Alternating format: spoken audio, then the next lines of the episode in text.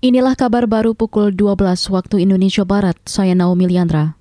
Kadif Propam Polri Nonaktif Verdi Sambo memenuhi panggilan penyidik Bareskrim untuk diperiksa terkait tewasnya Brigadir Yosua Huta Barat atau Brigadir J. Sambo tiba sekitar pukul 10 pagi.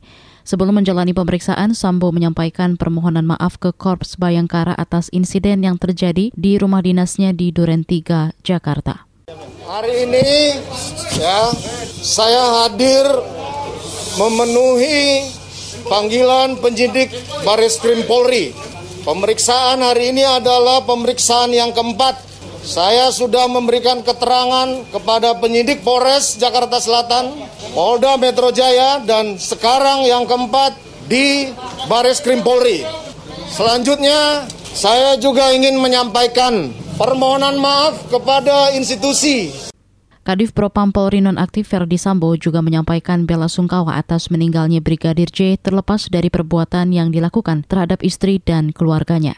Dalam kesempatan itu dia juga meminta masyarakat tak membuat asumsi atau persepsi yang menyebabkan kasus ini simpang siur.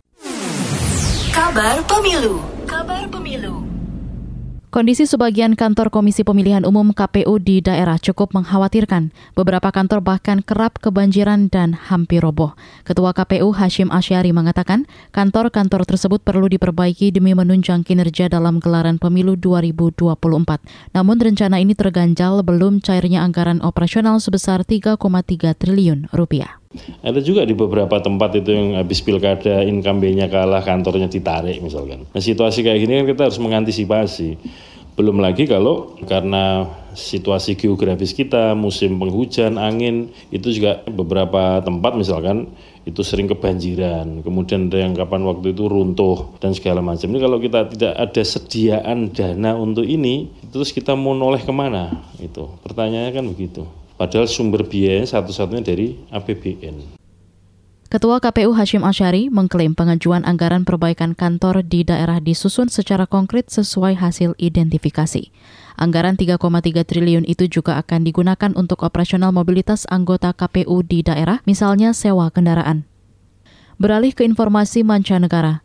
Aparat keamanan Cina kemarin menahan seorang aktivis Taiwan Yang Qin Penahanan dilakukan saat Ketua DPR Amerika Nancy Pelosi mengunjungi Taiwan. Dikutip dari antara, Yang Chi ditahan atas dugaan aktivitas separatisme kemerdekaan Taiwan yang mengancam keamanan nasional China. Sebelumnya, Beijing menganggap kunjungan Ketua DPR Amerika Nancy Pelosi ke Taiwan telah merusak kemitraan bilateral Amerika-China. Kementerian Luar Negeri China menyatakan kunjungan Pelosi sangat merusak perdamaian dan stabilitas keamanan di Selat Taiwan. Demikian kabar baru KBR, saya Naomi Liandra.